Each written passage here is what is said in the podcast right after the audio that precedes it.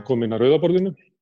Við sittum hérna áfram og erum að ræða um áhuga, áhugaverðu tíma sem við lifum, eh, koronafaraldurinn og kreppuna sem henni fylgir, hvað árið, og erum að reyna okkur á því, hvað árið það hefur á, á samfélagið og stjórnmálinn, hvað árið það hefur á ólíka hópa og, og hugmyndur okkar. Og til þess að ræða þetta í kvöld eru hingað komnar stór hópur kvenna, það er Elisabeth Ír Alladóttir, Gerður G. Óskarsdóttir, Hildur Lillindal Viggarsdóttir, Holbrún Birna Hallgrímsdóttir Bakmann, Marja Lilja Þrastadóttir Kemp, Steinun Röggvarsdóttir, uh, Þorberra Fjölinsdóttir og Þórhildur Þorlusdóttir.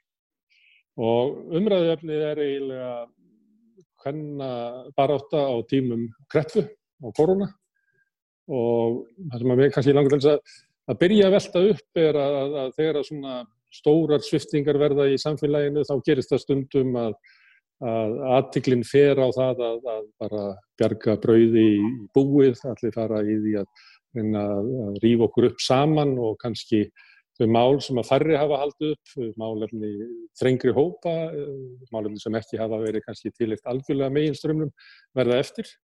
En svo getur það líka verið öfugt að, að við sem í þeirri stöðu að að, að þetta sé einmitt kannski tækifæri fyrir kvennarhefinguna að ná meira árangri. Sumt er svo að týna úr upplöfu fólks af koronavirinu, til dæmis uh, fólk átt að segja á því að, stóra kvennastyrtir eru mjög mikilvægar og mikilvægari heldur en uh, fámennari betur borgaður kallastyrtir til dæmis. En þetta er semst ofið spurning, hvað Eh, geti þið svona lagt mat á það hvaða áhrif eh, komandi greppa sem að verður mjög djúb eh, samtök aturlýsins og viðskiptaráð voru á 18% samdrætti og ég get lofa ykkur því að ekkert okkar hefur upplifað neitt við líka ef það gerist þannig að við erum þá á gangin í tíma sem eru okkur óþekkilegir. Heldur þú að, að getur þið lagt mat á það hvernig svona högg og greppa geti haft á hvernabarótuna? Hefur við maður byrjað þér, Hildur? Já, það er stór spurning.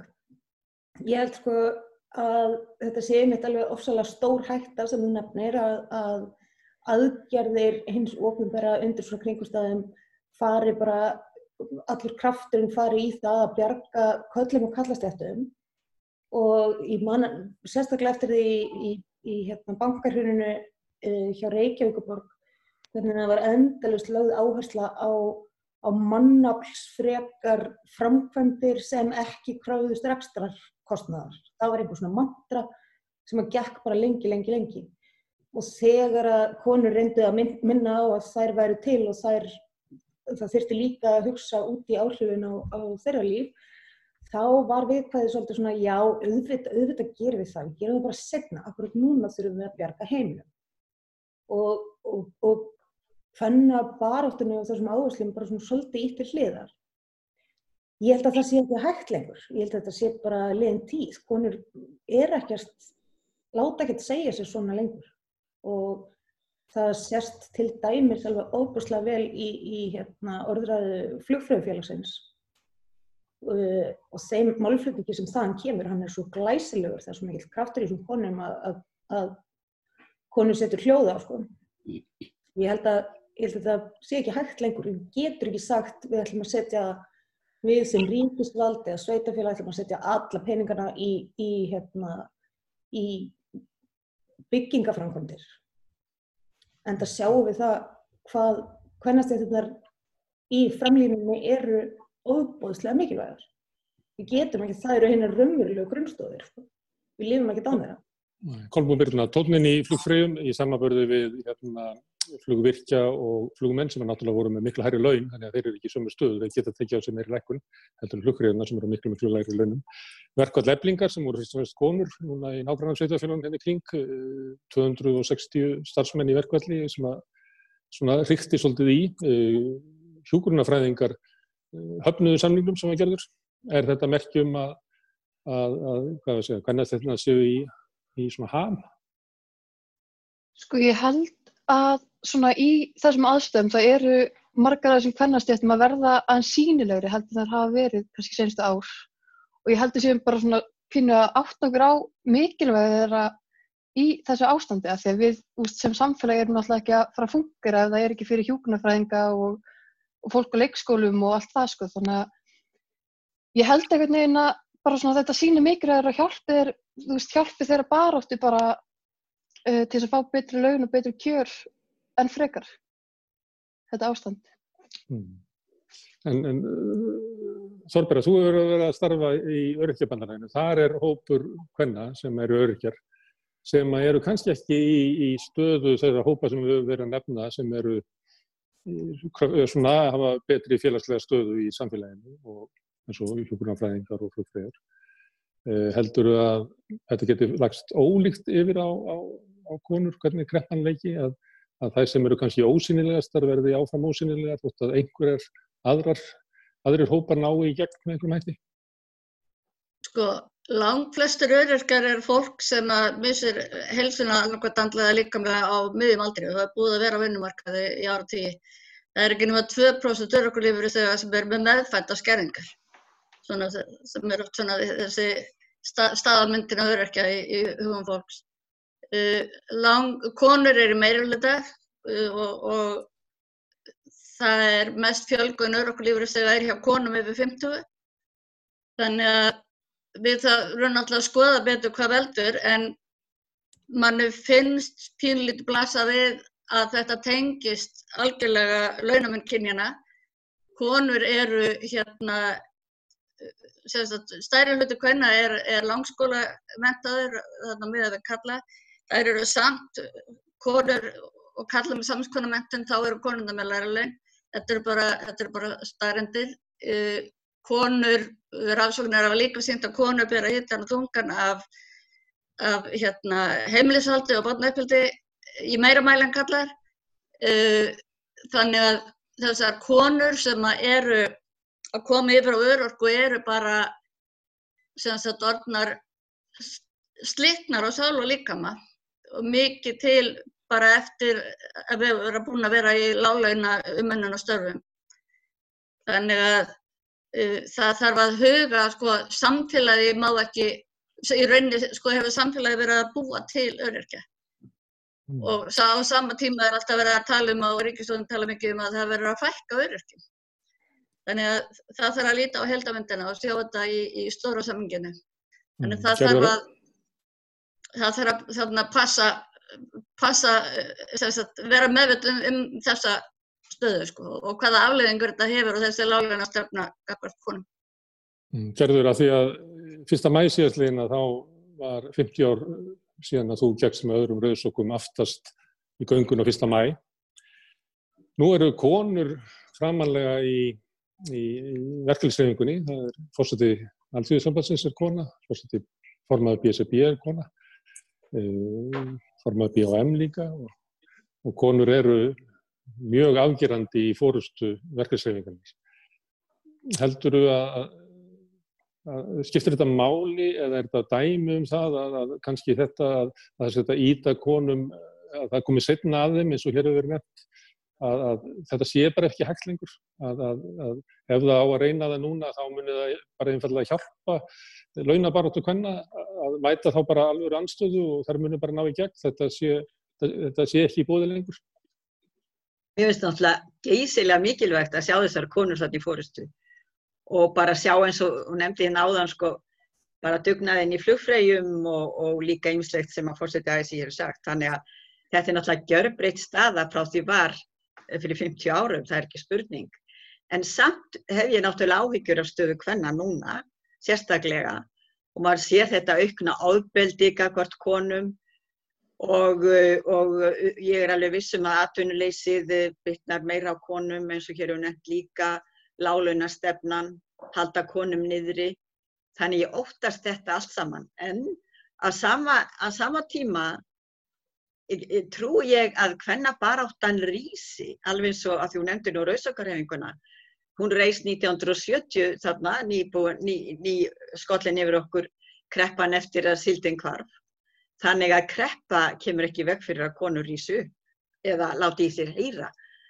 Þannig að ég hef alveg trú á því að, að ég veng, ég semst óttast ekki að hún, að hún uh, eitthvað verði uh, líður til lokaðin eitt slíkt eða sem sagt ræjúrin alltaf ég segja.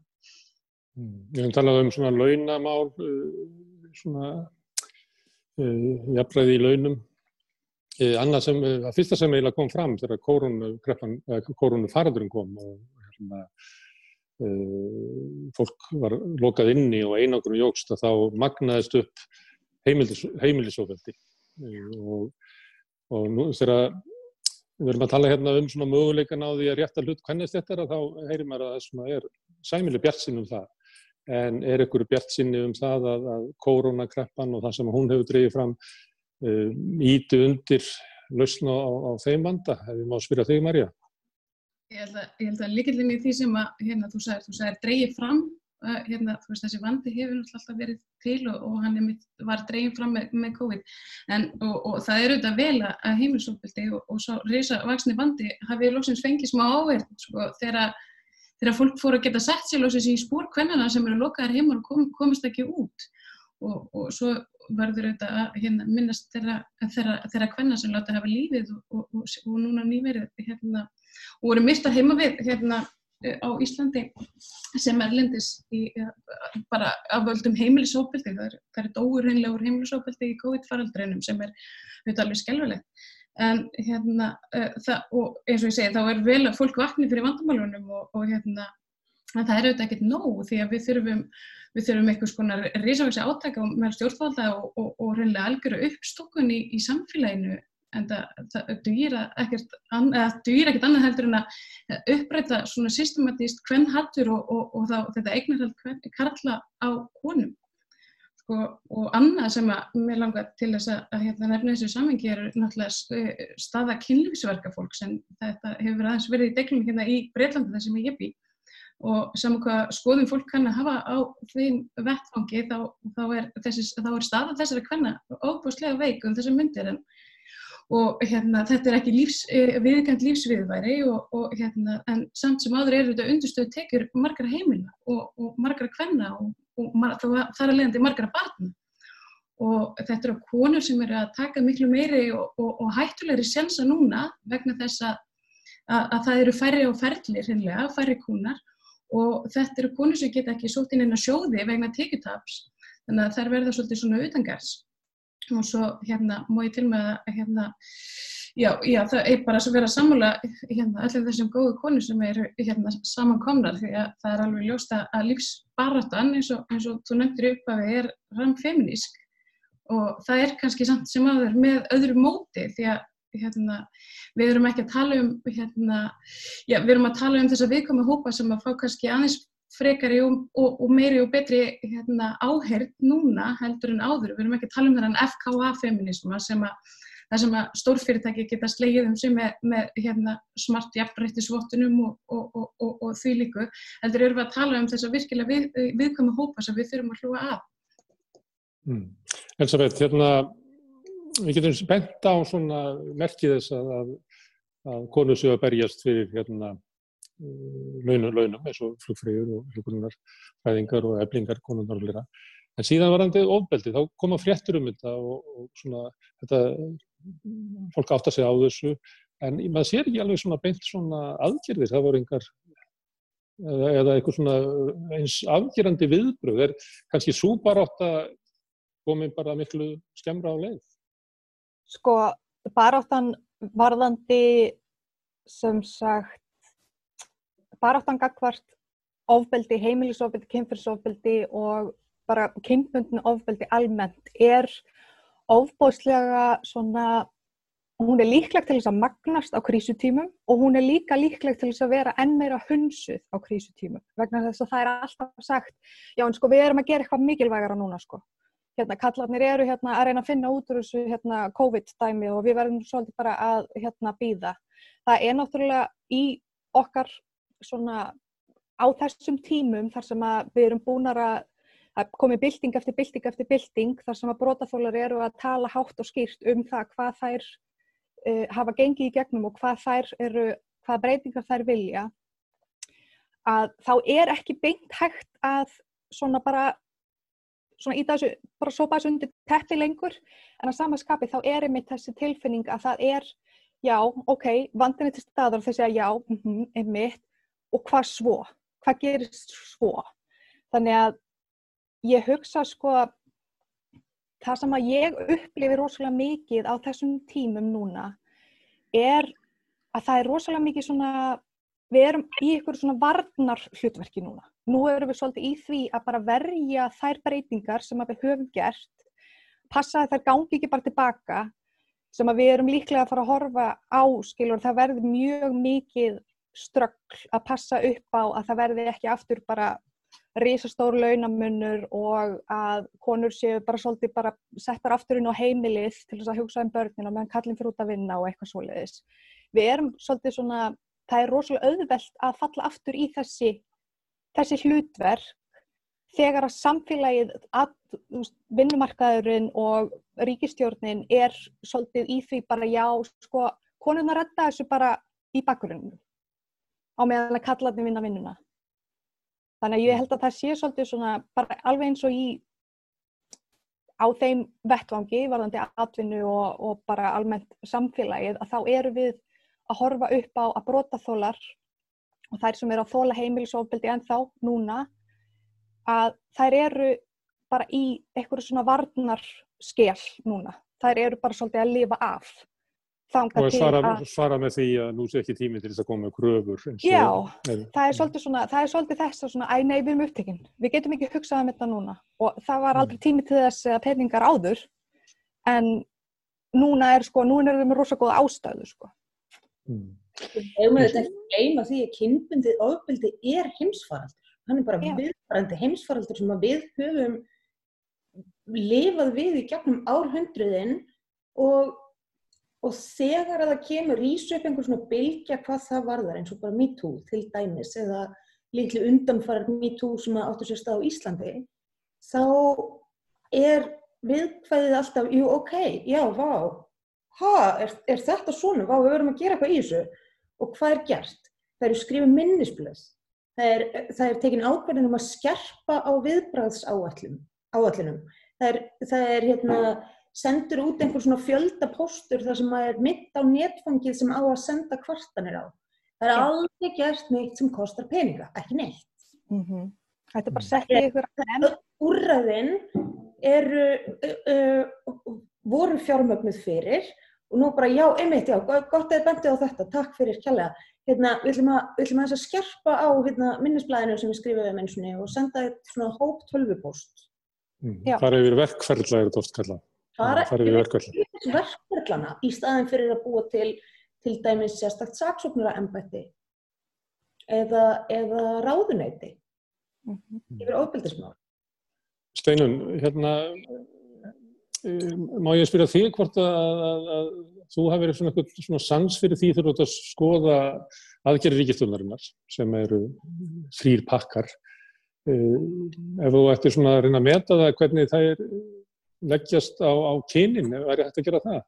Hvað? Já, já, það er alveg hægt að gera það og, og bara beita til þess svona okkurni, bara kynjari sín og sjá þú veist hvaða aðgerið verið að fara í, er búið að meta sko fyrir hverja á að skapa störf, hvar þarf að, hérna, að, að gefa í og hvar er hægt að draga úr og við sáum það til dæmis í fyrsta aðgerðarpakkar sem kom frá ríkistjórninni að þá var mikill meiri hlut að því fjármagnir sem var kynnt í honum það átt að fara í e, vegafrankvendir og byggingareinar sem eru náttúrulega mannafspreku frankvendina sem Hildur var að tala um hérna áðan, við erum komin strax aftur í þann pakka.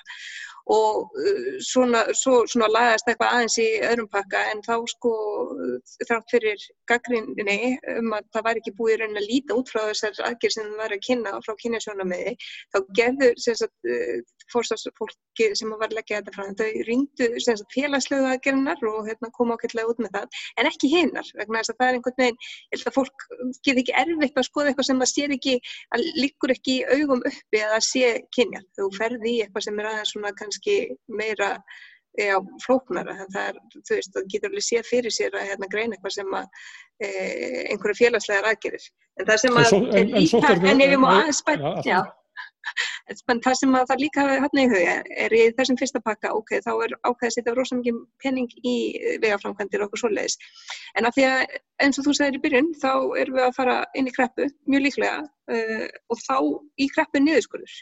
Þannig að endum við kannski á endanum með því að við erum búin að setja fullta pening í vegaframkvæmdir og erum svo að fara að skera niður í velferðarkerfinu þannig að hverju taka þá ummununapakkan sem kemur inn á heimilin, jú það eru konur. Þannig að það er það sem maður þarf að varast þarna. Þannig að þú veist að það verður í samhengi í því sem maður verður að gera og ég er náttúrulega rættust við að það verður það sem að verði reynd að gera og eins og ég hef engar áhyggjur og sammála gerði varðan þú segja hún, ég, að hún hef engar áhyggjur í raunin að því að að kvennabarúttan sé eitthvað hérna, að verða þú veist bælt í þessu ástandi. Ég held að hérna konur séu alveg hérna og, og, og aðri sem að berjast fyrir jafnbreytti séu alveg hérna til í að hérna halda áfram það mun alltaf þurfa að hafa fyrir eins og við höfum haft í hingað til og þá þarf að horfa til framtíðar að því nú erum við bara í einhverju miðju augastormsins en ég sé fram á að veist, þessi niðurskurður, hann kemur einhvern tíma og þá þurfum við að vera undirbúin með kynjasjónamegin fyrir hann. En ef ég má spyrja um hérna, sóttvarnina sjálfar, einangrunin, hvort að eitthvað í aðgjörunum hjá þeim hafi sínt fram á það stjórnum dáttur sig á því að, að, að það leggst ólíkt á kynin og setur konur í hættu, heimann á barnanna og fleira ímyndilegt sem að þeirra öllum er bara vísað inn á heiminin aftur að það þyrtti að vera eitthvað aðgerðir á móti til þess að vinna gegn raunverulega magnistu bórialliti og ofbeldinu heimann. Já, algjörlega, sko, við erum alltaf búin að tala vel um heimilisofbeldu í svo sammála öll því sem hefur sagt aðeins það. Og mér finnst það hérna þegar tala um hvernig við ætlum að reyna að hérna, skapa sem að hérna, hafa eitthvað vitað þess að fá miklu meiri sko, pláss og vægi og byrja rauninu peningi í hendunar. Ég myndi bara vilja setja einhverju miljardi í hendunar á sko, þau þurfum við kvennaðkvarðinu og, og hinnu fólkinu sem að veit eitthvað hvað er að gera í þessu. Bara, veist, það er bara eðlilegt. Ég menna það fór 100 miljónir hérna, frá reykistjórninni í þessum held í fyrsta pakka eða öðrum til hérna, kvennaðkvarðsins verðandi byggingu en ég menna þegar við skoðum sko, heldar upp aðeins í þeim pakka sem voru 15 miljardar, það eru 100 miljónir, það er bara ef við hugsaum þetta eins og köku þá er þetta bara eins og milsna. Skilur, þannig að þú veist, það, ég vil bara sjá milljarina í höndunum og þú veist konum sem að veitu hvað er að gera vandi þennan málaflokk. En og svo er það líka náttúrulega fleira heldur en þetta heimilisofbeldi eins og þú segir. Og kannski það sem er sérstaklega verðt að hafa í huga er sko stuðningur í fóröldra fallar og langveikar barna til dæmis sem að sko þau hafa þurft að vera innilókuð bara mjög lengi vegna þess að er hver með bælt ónæmiskerfi og skólar hafa verið að loka og þjónust að verið mikið skerð. Og þá hefur fóröldra þurft að harfa inn á heimilin með þeim og hérna jafnlíkt með tilhengandi tekitapi og þetta, sko gott síði mér segir mér að þetta séu konur fyrst og fremst og hérna ég er mjög fyrst ef að það gott síði væri rátt sko. Mm. Svo eru líka margir örkulifir sem hafa farið í svo kallega vendafsótkvi í fólk með undirleikandi sjúkduma og, og þeim er ekki treyð hérna treyða tekjur í, í, í vendafsótkvi. Mm. Þóreldur, hvað, hérna, hvernig líst þér á ástandsafélagsins og kannabarðina? Þú var svona að galofna svörningu. Það er ekki gott að segja. Þetta er náttúrulega ástand þar sem að getur bröðið til begja vona. Uh, við erum að tala um eitthvað sem við, við vitum ekki hvað við erum. Við getum haft væntingar til og vonir. Og það sem að, við höldum okkur bara við hérna innanlands og ég tek náttúrulega bara undir allt sem hér hefur verið sagt sko, um, um hana, uh, margar hliða þessa máls. En uh, það sem að náttúrulega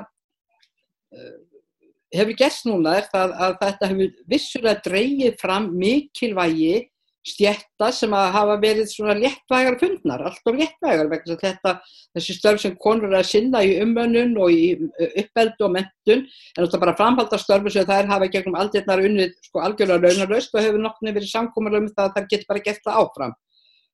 En núna þetta hlýtur að auka konum sjálfströst að, að sjá að, að það hafa allir þurft að viðkenna núna að þetta eru mikilvæg og ómissandi störf og vonandi nýtist það e, til að, að byggja upp sjálfsmynd og, og, og, og gera konur harðar í að berjast fyrir sínum málum. Og núna og því að við erum að nefna hver hvennast ég ættan að hættur annar hefur sínt að hún ætlar ekki að láta að trakka á sér og ætlar ekki að láta undan og ætlar að halda, halda sínu klöfuti streyt og það er alltaf mjög aðtiklisvert hvort að það er samhengi og ég efast ekki um að það er samhengi mitt þess að það eru konur sem eru aðalega núna í fórustu í verkefælismálum.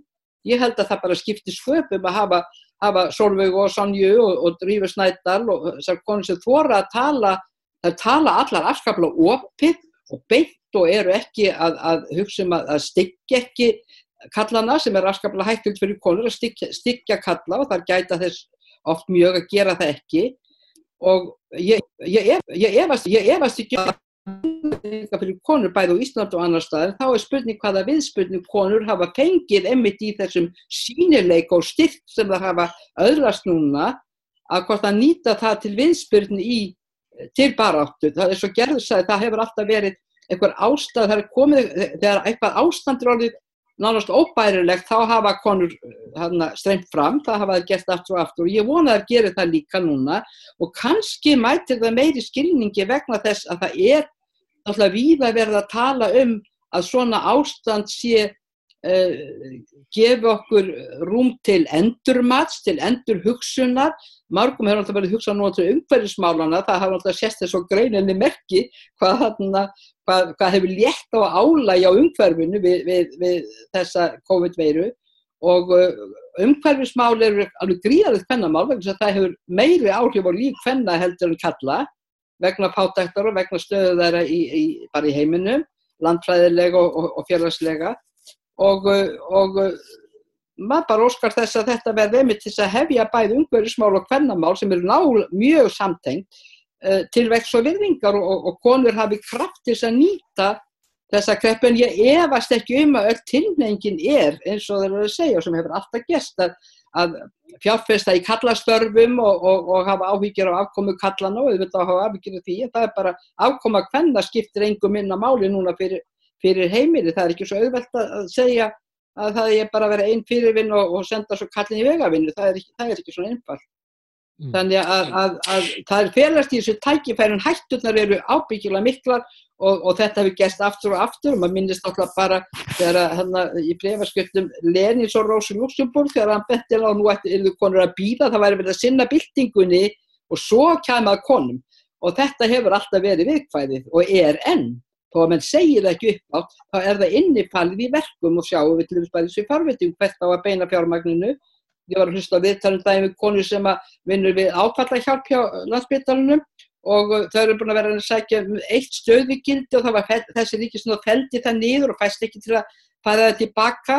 Það sem einmitt eru verið að hjálpa hana, uh, mörgu fórnarlega til þessu ofbeldis og hún er að tala um öryggi. Ég efast ekki um samhengi milli gífurlegs ofbeldis og það að konur eru miklu fjölmennar í, í, í hópi öryrkja vegna þess andlega álags sem að þær, þær hafa borðið kannski árum saman og aldrei, aldrei fengið nokkra bóta og skila sér síðan í örorku. Þetta er ekkit mín prívatkenning, ég veit að margir eru á þessu máli, þannig að það er margs að gæta en, en mm. það, eru bæði, það eru hættur og sóknarfæri held ég.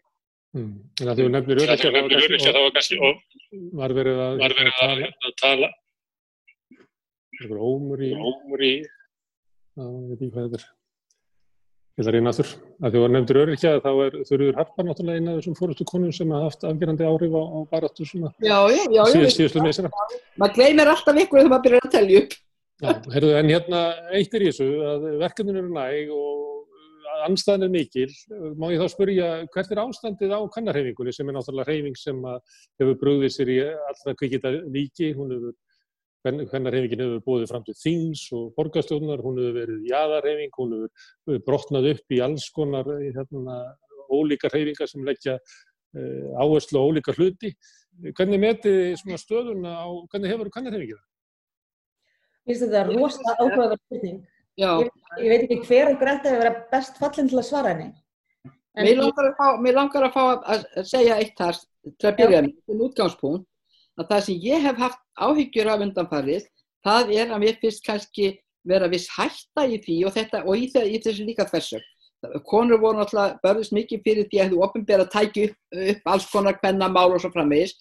Uh, núna er búið að stopnana væða uh, kvennabarástu mjög mikið og ég hef vissar áhyggjur af því að það drægi bæði úr konum og þar eru líka sko áhersluðar oft miklu meira á svona prósentur í, í stöðum og peningum og lítið hugað að hinnum hinnum menningarlega grunni sem þetta kvílir allt saman á. En þar er það bara konur sem skilja og geta breytt. Og ég hef sérst um áhyggjör þess að ég búið að, búið að taka kvennabártuna frá konum og setja hann inn í stopnarnar á ráðuneyti. En svo vil maður líka þau umbera sér ábyrst þannig að þetta er, er þversög en umhugsaður. Þetta er vandamál allra alþýður reyfinga að það er vilja stofna að veðast. Hildur, þú varst að byrja. Þetta er bara viðstöðulust vandamál allra jáðarsettra hópa og ég sá alveg já, bara við að horfa á Marju Lilja og við vorum að hlusta því og við fengum báðar gæsa húð. Yfir hverju? Yfir þessari stofnunavæðingu. Þetta Já. er, þetta Já. er stór hættulegt og þetta getur líka dreigið brottin úr málflutningu. Það er það sem ég er að, hugsa um, sko. Og þessi endalösu, þessar endalösu hausatalningar og, og, og þetta prósent Alltaf félast í yfirmannastöðum. Já, einmitt. Já. Ég, ég var bara að játa það, ég var bara að játa það í þennan þrönga lokaða hóp sem er internetið að, að hérna, ég er bara allt og vinstri sinni til þess að hafa nokkuð sérstakann áhuga á því að fjölga konum í stjórnustöðum. Það er bara utan míns áhugasviðs. Ég hef áhugjur af, af hugsunarhættunum og orðræðinu og, og uppeldinu og, og ofbeldinu. Ég hef ekki áhugjur af af nýttastjórnum bankana en, en sem betur fyrir aðrar konur sem að nenna að setja orkuna sína í það. Og ég held að þessi líkilatriði ef að uh, við ætlum að ná árangri þá held ég að hvernast samstaða sé algjört líkilatriði og þótt að ég hafi sko litla þólimæði fyrir því að, að telja hausa í einhverjum bankastjórastólum þá er ágætt að einhver hafi þann áhuga. Að einhver sé að gera það að vegna þess að við þurfum að berjast allstaðar baráttan er allstaðar Það hafa öll stór skrið sem hafa verið stígin, hafa alltaf verið stígin í krafti samstöðu. alltaf. Gera lítið ein, ein og ein, það er samstæðan og þegar það hafa náð að sameinast þvert á flokksbönd eða hvaða, bönd, hvaða, hvaða hólfið það er eða dilkar þegar það hafa náð að stökka út úr dilkonum inn í almenningin og, þarna, og sameinast þar, ég meina hvernig dagurinn er dæmi og, og náttúrulega bara stopna þessara hvennar hreyfingar sem að voru virkilega stórar og áleikus líkar eins og rauðsökur hreyfingin eins og hvennaristinn, allt var þetta vegna samstöð, þvert á eitthvað sem kallandi sögðu að myndi skilja okkur að, þá saminuðist við þvert á þær skoðanir. Ég vil endilega fá að taka undir þetta sem að Þóruldur er að segja. Ég held að samstaðan og samvinnan skipti alveg rosalega miklu máli. gleyma þá öllu þetta, sko, þetta muna hvað sameinar konur og vera ekki að- einblýna á það sem sundrar því að það er alltaf hægt að sundra og við látum með mynd sko feðraveldi og þess gildi sundra okkur allt og mikið og ganga í takt við þá í staðins að leita að það sem, því sem sameinar konur og það er sko alveg nóg því að baráttumálin eru alveg þau sömu þó þau séu sko stig, stigsmun þá eru þau sömu uh, í öllum heiminn.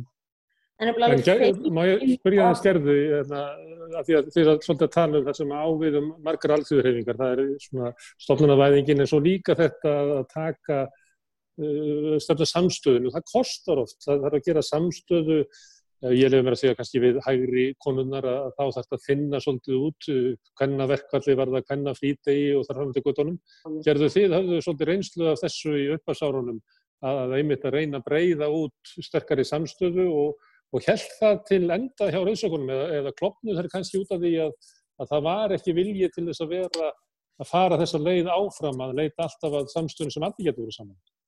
Og á þeim tíma sem ég starfaði í Rauðsökarhefingunni, fyrstu fimm árin, þá var samstaðan bara algjört líkil atriði og samvinnan. Og við, við, við gátum einhvern veginn leist eða, eða átækið ákvarðanum hvað við ætlum að gera eða leist mál sem kom upp af því við stóðum saman. Og þegar við vorum einhver staðar uppákomur eða fundir eða kynna okkar málstað, þá var svo mikilvægt að vera í hópi og við vorum alltaf fleiri, tvær eða fleiri saman í öllu sem við gerðum ef við komumst, komumst að fram eða vorum einhverstað til viðtals. Og ég held að það skipti mjög miklu málu og það kendi mér sjálfri mjög mikið. Og mér finnst að vinnubröðin sem ég lærði í þessari rauðsakarhefingu á sínum tíma, að vinna saman, komast að samkomulagi, ólíkir aðilar úr ólíkum áttum með ólíkan bakgrunn, að ég lærði svo mikið af því og mér finnst ég hafa nýtt mér það í mínum störfum í gegnum lífið. Ég segi sem á, með kollu hérna, það er nefnilega svolítið aðtilsvært af því að hún er, ef að segja, fulltrúi ungu kynnslóðurinnar með fullri virðingu fyrir, fyrir jafnöldur mínum hérna, þá, hérna, þá finnst mér eins og, eins og sko, kynnslóðurinnar kollu hafi lært af okkar reynslu það að tefla ekki fram svona einni og einni konu í einhverju hryllilegu okkaflugi. Mm. Af því að ég, við Marja Lilja höfum báðar verið í þeim sporum og, og, og Sóli Tómsdóttir og, og fleiri konur að hafa brunnið út á einhverjum ógnarhraða af því að við sátum einar undir öllu álægum. Mhm. Það var enginn til að dreifa byrðunum. þetta er eitthvað sem að, þetta er bara alveg óbóðslega betur reynsla sem ég sá ekki betur en að, en að sko allar stelpunar sem eru tíu árum yngri en ég hafi, hafi lært ofsalega vel af. Það er einhvern veginn komið bara fram með breyðum fronti og eru með alla strákana með sér í liði og einhvern veginn Þú voru að segja okkur frá að þessu, því- þú voru að segja okkur frá þessu, Kolbrún.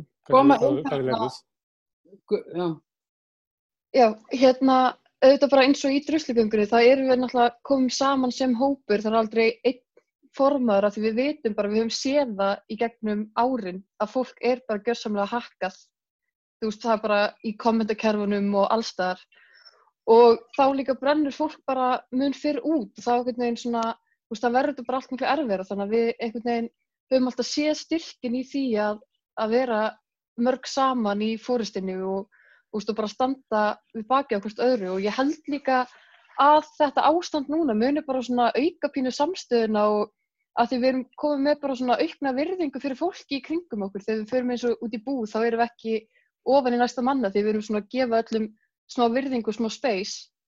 Og ég held að þetta, þú veist, sama hvað ríkistjórnin er að fara að gera þá held ég að samfélagið okkar hafa alveg gott af þessu ástandi að mörgu leita því við erum komið með þessa samfélagslegu ábyrgð, þú veist, við vitum að ef við heyrum konu gráta og öskra í næsta húsi og við höldum að sé eitthvað að, þá eigum við að ringja á laurugluna, skiljum, við erum að svona vakna meira held ég fyrir alls konar svona hlutum þar sem við þurfum að standa saman og, og styrka hver aðra. Mér finnst líka svo mikilvægt eins og ég segi við lítum að helda myndina og þetta, þetta er svo mikið, við hefum svo mikið tilhengur til að setja fólk í hólf og það er þessu hópur og hinn hópurinn og en þetta, þetta, við erum svo mikið bara, maður tilhör ekki bara einhverjum einum hópi.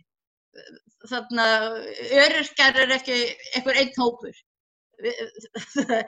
og, og bara til að nefna dæmi og við, Já, hérna, við þurfum að hérna við erum, við erum öll samtvinnuð og það er, samfélag er, er það. Við, Nákvæmlega. það eru hópur, hópur fólks og við, við, við hérna, tvinnumst saman á svo margan hátt. Við þurfum að, við þurfum að líta á þetta þannig. og, eh, Mér finnst fólk of mikið velt að vera að setja í hólf og þessi er hinn og þetta og þetta, þetta er allt. Þetta er allt. Það er líka bara með auknu atvinnuleysu og öllu, þá ertu pínu að taka niður að því fólk svona í gegnum tíðin á Íslandi hefur verið svolítið bara skilgrinn sig út frá starfi og, og það er bara svolítið þannig og þá er allir svona í svolítið afmörkum hólfum en síðan erum við öll, auðvitað bara manneskjur og við erum bara að reyna að lifa einna saman og, og reyna að gera okkar besta þannig að þú veist, þetta er pínu að taka niður þessa, þessa svona veggi á milli okkar og við erum svona að verða meiri heilt held ég.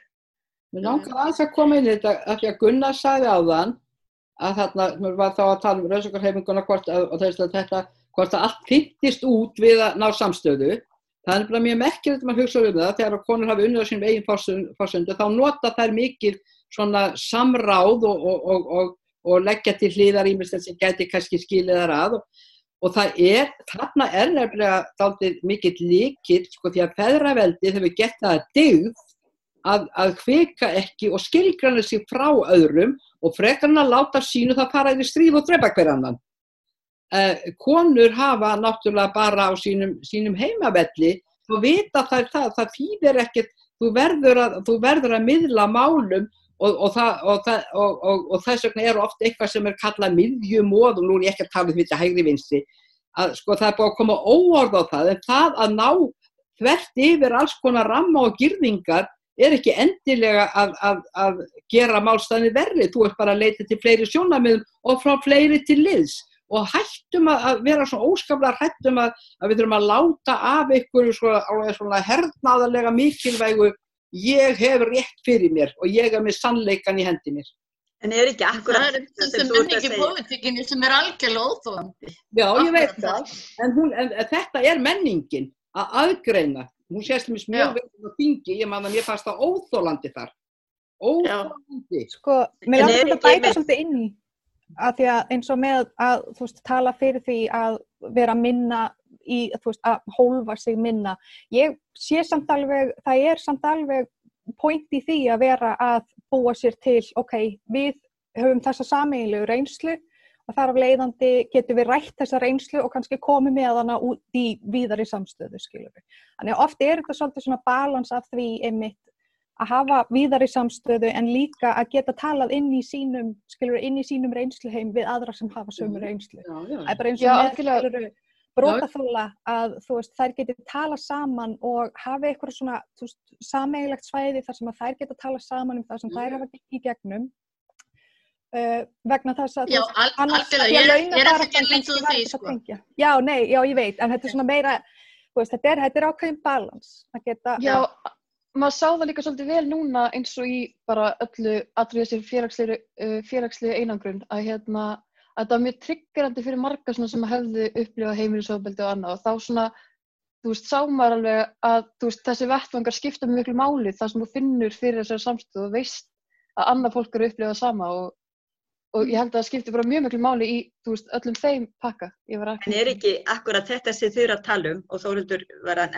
byrja þá að sko, þessi samstaða kvenna er ekki einmitt uh, svo, þess vegna svo mikilvægt að sjá konur í fórustu sem víðast. Það er vinna Jú, öðruvísi og núna erum við að sjá gera menn það, gera ríkja. það ekki mögulegt alltaf.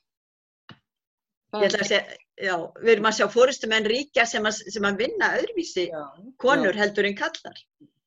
Þannig að uh, það er þessi öðruvísi vinnubröð kannski sem að Já, ef að, ef að það er í þeirri stöðu að það geta viðhaft sko hérna vinnu. vinnubröð, já.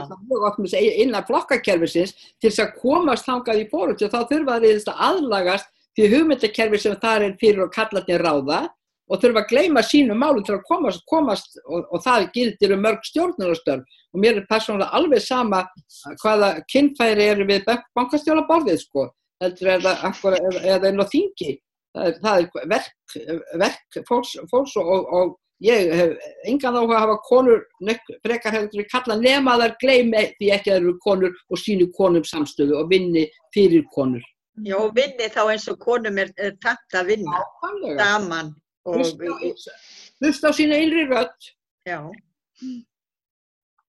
Já, þetta bara með að hafa, hafa rænu á því að kalla mismunandi sjónur að borðinu og, og, og hlusta og vegu metta hagsmunni heildarinnar. Mm. Mér finnst þetta með sko, uh, þetta 100 miljóna framlag til kvennaatkvarfsins sem Steinun talaði um áðan svo merkilegt, í, fimm- af 15 miljörðum þá fóru 100 miljónir í, í húsbyggingu á vegum kvennaatkvarfsins og á sama tíma það var að gerast, eða stuttu eftir, þá tókum við okkur til á Facebook við bara konur á Íslandi og sopnaðum meira en fjórum miljónum. Mhm. Bara með að skrifa er- status og heita okkar einn peningum á, á like og comments.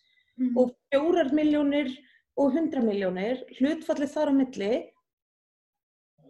og síðan hlutfallið á milli 100 miljónir og 15 miljardar er Mhm. svolítið sláandi í þessu samhengi. Það er svolítið aðteklisvæðast. Það er líka svolítið mag- magnað af því að nú var sagt frá því í dag að, það, að ríkistjórnin hún hyggst alltaf að fara í stórt og mikið markasáttak út á við. Það sem að einum og hálfu miljardi er veitt til auglýsingar á, á því hvað Ísland er opaslega merkilegt og öruglega framarlega í kvennréttundum af því að við höfum fengið að, fengið að heyra þá, þá, þá tuggu ef, að- ef ég mætti svo orðið komast því að við vitum það alveg sjálfur við sem konur sem höfum búið á Íslandi að það er ekkert til fullkomna jafnbryttis paradís. En, en hérna bara í þessu samingi, mér langar bara að nefna, nefna mitt við þessar 100 miljónir sem að fa- fara til hvenna atkværsins sem einhvers konar svona sárabætur, ég veit ekki einu svona, þú veist, hvað, þú veist hvaða plástur það er. En hérna, hérna einn og hálfur miljardur að, hérna, að svo digða skreita sig út á við í, í hérna samfunnu veka brest hérna spillingafyrirtæki, það er eiginlega algjörlega fyrir neðan allar hellur og það setur hreinlega niður fórsættisir á þeirra sem þó er kona. Og svo við komum aftur að því að það kannski skiptir ekkert endilega máli þegar, já, þú veist, okkur er svo sem sama hvaða kynfæri eru við, við stjórnvölinn ef að, hérna, svo lengi sem að e, já, okkar vegur e, og, og, og, réttindi hvenna eru höfða leilus. En líka í þessu, ég meina þessar 100 miljonir komu þarna en á sama tíma það hvernig atkvæði ekki aðgengilegt fyrir konu með föllun, eða veist fallanir. Og mér finnst það líka bara svona mjög mikilvægir punktur í þessu öllu að þetta er bara einn viðkvæmasti hópurinn í samfélaginu sem verður fyrir ótrúlega miklu óbeldi og það get ekki flúin eins þar, skilur þannig að þetta er alveg, við þurfum svona pínu líka að hugsa hvað eru peningarnir að fara í og hversu mikið þarf til þess að hugsa um alla sem að þurfa því að halda. Já, ég, Fallaða konur verða fyrir meira ofbeldi en, ófallaða konur og fallaða kallar. Já. Þeir skulu ekki halda að, að þeir sem sitja í stjórnmjöl hugsa ekki hvert þeir ætla að láta peningana. Þeir láta peningana þangað sem þeir þykir mikilvægt. Það er ekki hugsunarleysi. nei, það er Það er nefnilega málið. Það var, var hérna í gangi tilurinn að láta konunnar bara tala sína milli á þess að kallin verða stjórna. En ég verða að grípa núna vegna þess að steininu var búin að byrja um orðið og hún fekk það ekki en hún hefur ekki komið stað núna í smá tíma. Þú ætlar að koma að. Mér langar bara að taka undir með uh, kollu að þetta er óbúslega mikilvæg punktur sem að varðar uh, aðgengi hvernig aðkvæðarsins. Þetta er náttúrulega óbúslega viðkomið hópur sem að hefur ekki aðgengi að þessu uh, úræði sem er hvernig aðkvæðarið með að við núverandi stöðu og það er eitthvað sem að emitt, eins og Þorvaldur var að segja, það eru ákvarðanir á bakvið allar fjárveitingar og það til dæmis að reyna að gera hvernig aðkvæðarið uh, aðgengilegt. Það myndi í stóra samenginu ekki hérna, ekki kosta mikið og það væri meira að segja mannaflsfrek framkvæmd. Þetta er steipa í þessu og það er alls konar, einhverju kallar að skrúfa það verður bara hægt að gera þetta og það verður þá hægt að sko að kannski umbylta lífi þótt að ekki verið nema einna konu. Það eru örglega fleiri, þetta er óbúslega viðkvæmur hópur eins og áður kom fram. Og það er þetta einmitt sem að sko verður að hafa í huga þegar erum farið í einhverju uppbyggingaraðgerðir e, núna og, og svo einhverju varnaraðgerðir og þetta allt saman í bland. Það er ekki, við verðum að, við verðum að taka alla með. Það, það verður vera aðgerðir sem að sko eiga við alla flóruna af e, fólkinu í samfélaginu sem við búum í og við meðum ekki skilja einhverju eftir vegna þess að hérna, það er bara ekki rétt í fyrsta lagi og öðru lagi þá, hérna, þá auðvitað eftir að sjá eftir í síðar og einn eða annan hátt. Og ég spyrja svolítið um stöðun á kannarhefingunum frá svona öðru sjónarhóttni, ekki kannski út frá svona málefnum og þetta er kannski ef við skoðum svona, þetta er svo rísastur hreyfing og hún verður eiginlega sigra á öllum mikstöðum. Uh, þið hafið nefnt verkefnisreifinguna, þar er svona vottur um að, að, að kannar baróttan sé að skila árangri og að hérna, uh, krafan um bætt kjör kannarstjættarna sé á óttunum í heldarsamtökunum. Það er náttúrulega Uh, það- það er mjög rosalega Já, og það er mjög áberandi hvað hvernarhreyfingin hefur verið sterk svona, hvað hefur kallað stjórnmál götunar, það sem er svona skapandi stjórnmál, það sem að utan allra stopnana, það sem að hefur hérna risið upp anskunabildingar og, og, og, og þetta benda margt glæsli þar. Eh, Það var nefnt áðan hérna eh, stjórnir kapitalíska fyrirtækja, þar er árangurinn sára lítill og sem finnst það bara einhver skipta kannski. Eh, Stopnanir í ríkisins, stjórnmálaflokkanir, það eru mjög mis hérna, langt komnir svona í því að, að, að nýtast kvennarhefingunni, ég veit ekki hvort einhver myndi segja að miðflokkurinn nýtist kvennarhefingunni eða sjálfstæðisflokkurinn eða framsóknarflokkurinn, ég veit ekki. Eh, Ef að þið myndu kannski reyna að horfa á þetta svona Ég til þess að alveg óhætt að segja bara nei. Við þessa flokka, já. En í, Jú, ef ég við færum svona yfir þetta, hvar er svona, hvar hafið þið náð bestum árangri og hvar hafið þið bara, er þið bara ennþá út á götur, umverulega, alls ekki hlutin eins valds, það svo kvennarhefingi. Ég held að til dæmis í, í málefnum fátakra kona, hvenna og, og fallara kvenna eins og við erum búin að minnast á, ég held að sé líka í, í hérna, erlenda konur eða konur á erlendum uppruna, flókta konur og, og, og, og svo auðvitað transkonur og það er, jú, það er alveg, eins og þú sér, það er alveg, það er endalust hægt að bæta við, við, við erum svo langt í land þó við séum kannski að sjá árangur á þessum, þessum sviðum sem að, sem að einmitt eru hver karlægust, sem að eru eh, bankastjórnir og, og, og, og, og, og hvaðan að Þannig að ég, hérna, jú, við, það eru, eru ansi margir hópar sem að, sem að mætti aldeilis fara að, hérna, að svona leggja betur í. Á svona ákveðnum bjart síni snótum þá langar mér samt að segja að ég held að mesta árangurinnum hafi verið náð í hugafærsbreyting. Já, Ég held að þessi áþrifanlegasti og merkilegasti ár, árangur sem við sjáum núna það er hugafærsbreyting og það er bara unnið í græsrótinni og, og upp úr.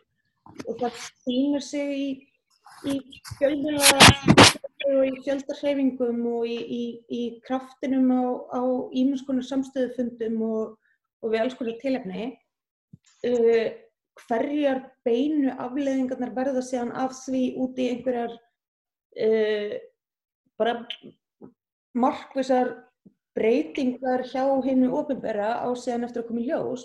En ég held að þetta sé það sem að undanfærin svona umþöfil áratugur hefur skilað akkurat núna. Það er bara rosaleg uh, hugafærsbreyting.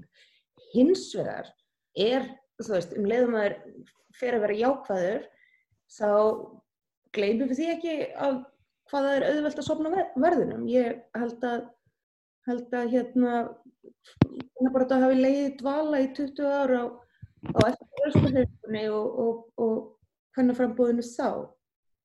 Sko, þegar ég var úlingur þá var engin að tala um hvernabartu nema fóreldra mínir heima hjá mér. En ég átti enga, ég fann ekkert fólki kringum mig sem að hafði einhvern áhuga feminismi eins og ég hafði, bara ekkert. Ekki fyrir en ég var orðin 25 ára eða eitthvað. Sko, eitt, eitt sem ég langar að koma inn á þetta varðandi, þú veist, ég hef kannski svaru varðandi hvar við, hvernig baróttan er, þú veist, ekki að ganga upp gengur ekki nóg vel.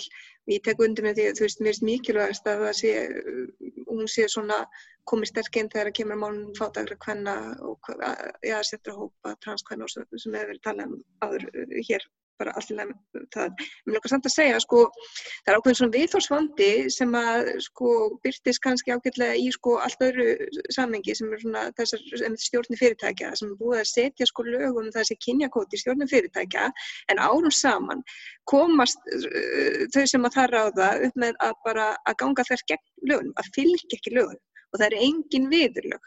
Og þetta náttúrulega, þú veist, getur verið yfirfært yfir að þú veist, marg, mörg önnur, þú veist, atriði í samfélaginu, við erum einhver lög sem er að tryggja alls konar jafnbreytti og það er bara ekki farið eftir, það er engin virðing, það eru engin viðurlög, það hérna, það bara, það bara kemst upp, uh, þessir hópar með að fylgja, með að fylgja þeim ekki eftir. Þannig að veist, það er ákveðið svona kannski, það, það er viðingarleysi, það er skeitingarleysi, það er hérna viðurlagaleysi og það er ákveðin svona bara viðhórsvandi gangfart þeim konum og jafnbrytti í samfélaginu sem að ég held sé ekki bara þarna sko að því ég tekka þetta dæmi að því mér er svo, að því ég var hlusta á fréttundabandæn en þessar stjórnir, þetta getur verið séð á öðrum sko lefnum í samfélaginu. Þannig að sko það að komast upp með að bara segja jafnrætt er frábært og svo bara fara í hináttina einhvern veginn, gera ekki, þú veist, orð og, og aðdæmið það, þú veist, stemmi ekki saman.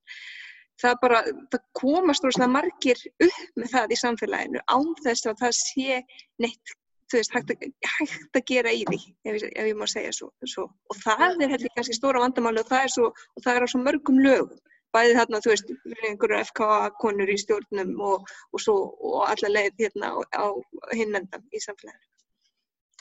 Þetta er eins og til dæmis bara hérna með, með hérna, örokkulífurinn og það allt saman, það er, það er alveg tryggt í lögum að, að örokkulífur er að fylgja laun, launathrófun eða vísintölu nefnsluvers en, en svo bara með fjárlögum á hverju ári þá er bara er þetta ekki fylgt og fyrir sko, 2007 voru lágnáðslegin og, örorkubætur á, sko, á pari en núna munnar 80.000 krónum. Hvað mm. örorkubætunar sko hafa dreyist, dreyist aftur úr og hérna það er alveg sama hvort það er góðar eða kreppa, það, það, er, það er aldrei hægt að, að gera neitt. Mm. Og, og stór hluti, sem sagt, hvenna, ungra hvenna sem eru og örorku eru einstæða mæður. Hérna, Þannig að einhver, einhver hérna atvinnu, atvinnu hérna einsbytting fyrir kalla gagnast náttúrulega þessum óbygginu eitt. Það er alltaf svona og bara býta býta fleiri örkja.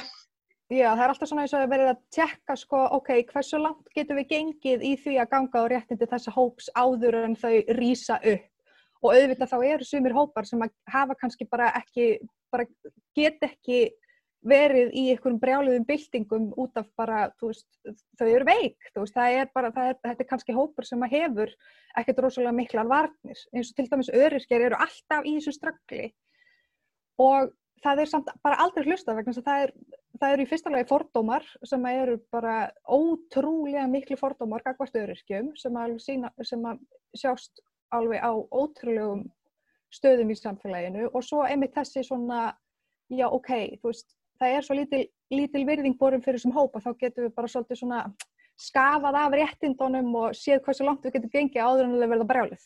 Mm -hmm.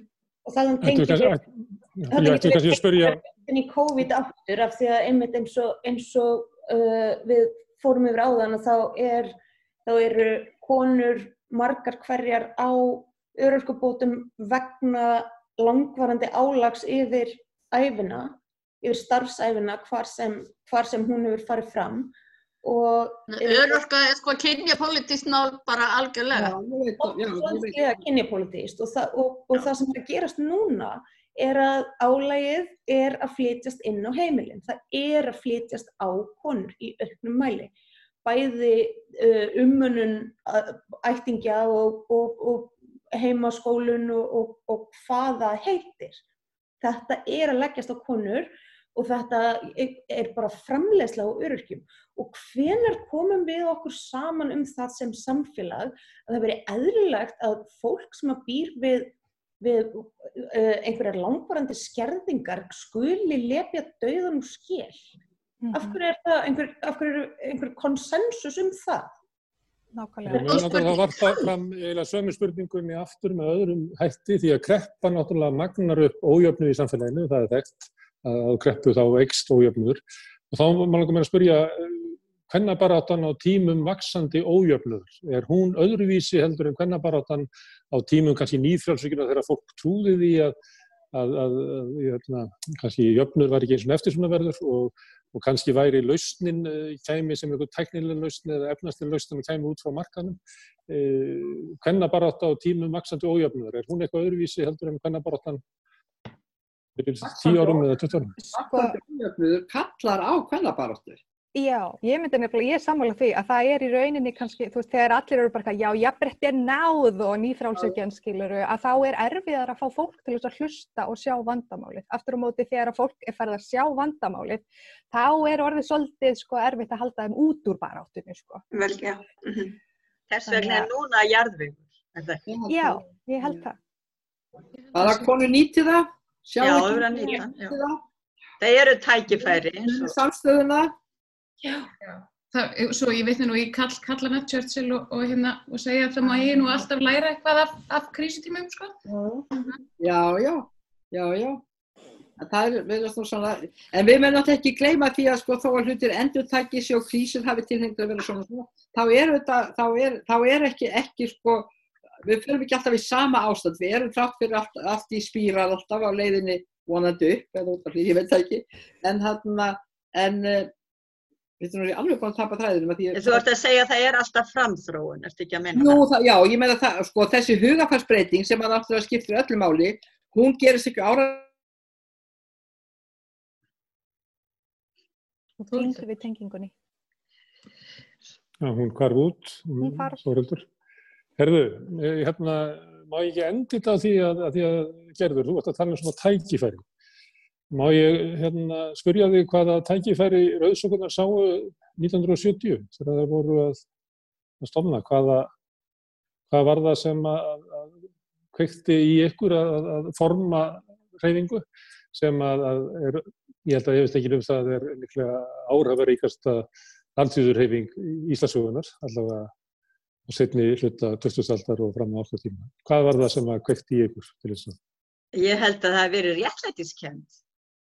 Einhvern veginn, það var svo sterk réttlætiskend að, að bara við sáum fyrir okkur svo rosalegan ójöfnuð og konur voru komnar svo mikið út í atvinnulífið en það var einhvern veginn allt sem að vann gegn þeim.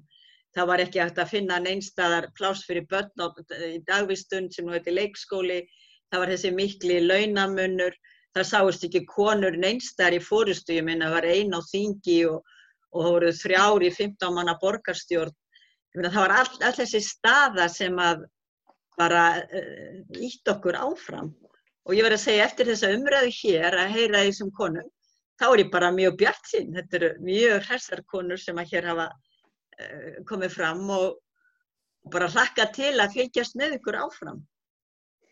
Já, skulum við leiðt takk. En ég held líka, ég held að þetta sé bara, með þetta með réttlætiskendina er bara óbúslega góður lokapunktur vegna þess að það er, Við erum auðvitað ásakaðar um það út í því óendanlega að vera drifnar áfram af karlahatri og, og lesbisma og aðtiklisí. Á það. Dandur í píkunni og ég veit ekki hvað hvað, en það er raunverulega ekkert annað en réttlætiskendin sem drýfur okkur áfram, allar. Við myndum, það myndi að gamli. Smá sandri að en, en við, þetta er bara réttlætiskend, það er ekkert annað. Mhm. 100%. Við sjáum líka bara, Gera þetta allt. líka bara í þessu ástandi, það er að koma svona, hvað segir, svona aukin áhersla líka á bara málefni kalla eins og í stundinni í senstu helgi þá var bara viðtal við kall sem að, hérna, var að upplega heimilisofbildi heimi á sér af hendi konu og, veist, og þessi málefni eru líka að koma upp í þessu stóra samhengja því við erum einhvern veginn svona að opna fyrir þetta og þú veist, hleypa þessu út í sviðsljósið einhvern veginn. Ég held að, þessi ofbeldismál eru kannski ekki lengur kvennamál. Ég held að það sé kannski líka svolítið, svolítið mikilvæg punktur. Svolítið bara ofbildismál. Já, En ég held Herðu. að það sé líka svolítið kvennamál.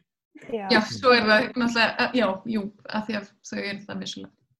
Kalla kannski að eins og það heyri þá er engin endir á þessar umræðu og við getum haldið hérna áfram. Nei, nei, ég geti verið Endalaust. í marga daga með þessu. já. Kannski eigum við að pröfa það að hafa einhvern tíman 12 tíma þátt. Sólarhringsvakt, um- Já, bara workshop Svo- hérna, bara nokkra dag.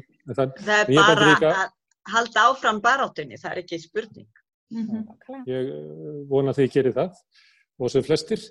Eh, Ég ætla að enda í hérna, þennan þátt núna. Ég hvet ykkur ef að þið hefur áhuga á að, að hérna, búa til þátt hér á samstöðunni um uh, kvæmfélsinsbaróttu, að þá var það guði velkominn og til dæla lítið mál. Að ég hef getað haldið út í Það hér góð daglega leið. þáttum. Það er engin, það laun, hérna eru bara réttlætiskendin og, og samfæringin. Er, þetta er fjölum við, þetta er utan hagkerfis. Það er, er engir, engir peningar sem að skipta milli, milli. Þannig að ef, ef þið viljið búa til áttum um til dæmis uh, kannabaratu, þá endilega bara hafið samband. En ég ætla að þakka ykkur fyrir sem að hafið leift okkur að hlusta á samtali ykkar núna í kvöld. Elisabeth Ír Alladóttir, Gerður G. Óskarsdóttir, Hildur Liljendan Viggarsdóttir, Kolbrún Birna Hallgrímsdóttir Backmann, Marja Lilja Þrastadóttir Kemp, Steinur Röggvaldsdóttir, uh, Þorberða Fjölnisdóttir og Þórhildur Þorlusdóttir.